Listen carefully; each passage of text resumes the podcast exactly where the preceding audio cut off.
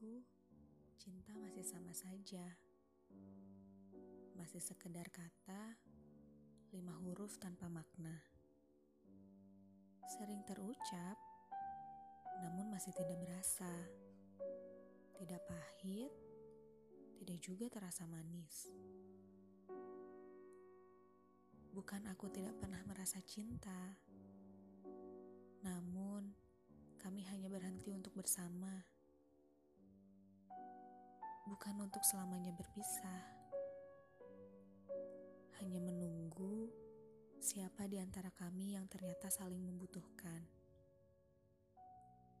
Esok atau lusa, atau bahkan bulan Februari tahun depan. Cinta yang akan datang mencari diriku, atau aku yang akan mencari di mana cinta. Tidak ada yang tahu.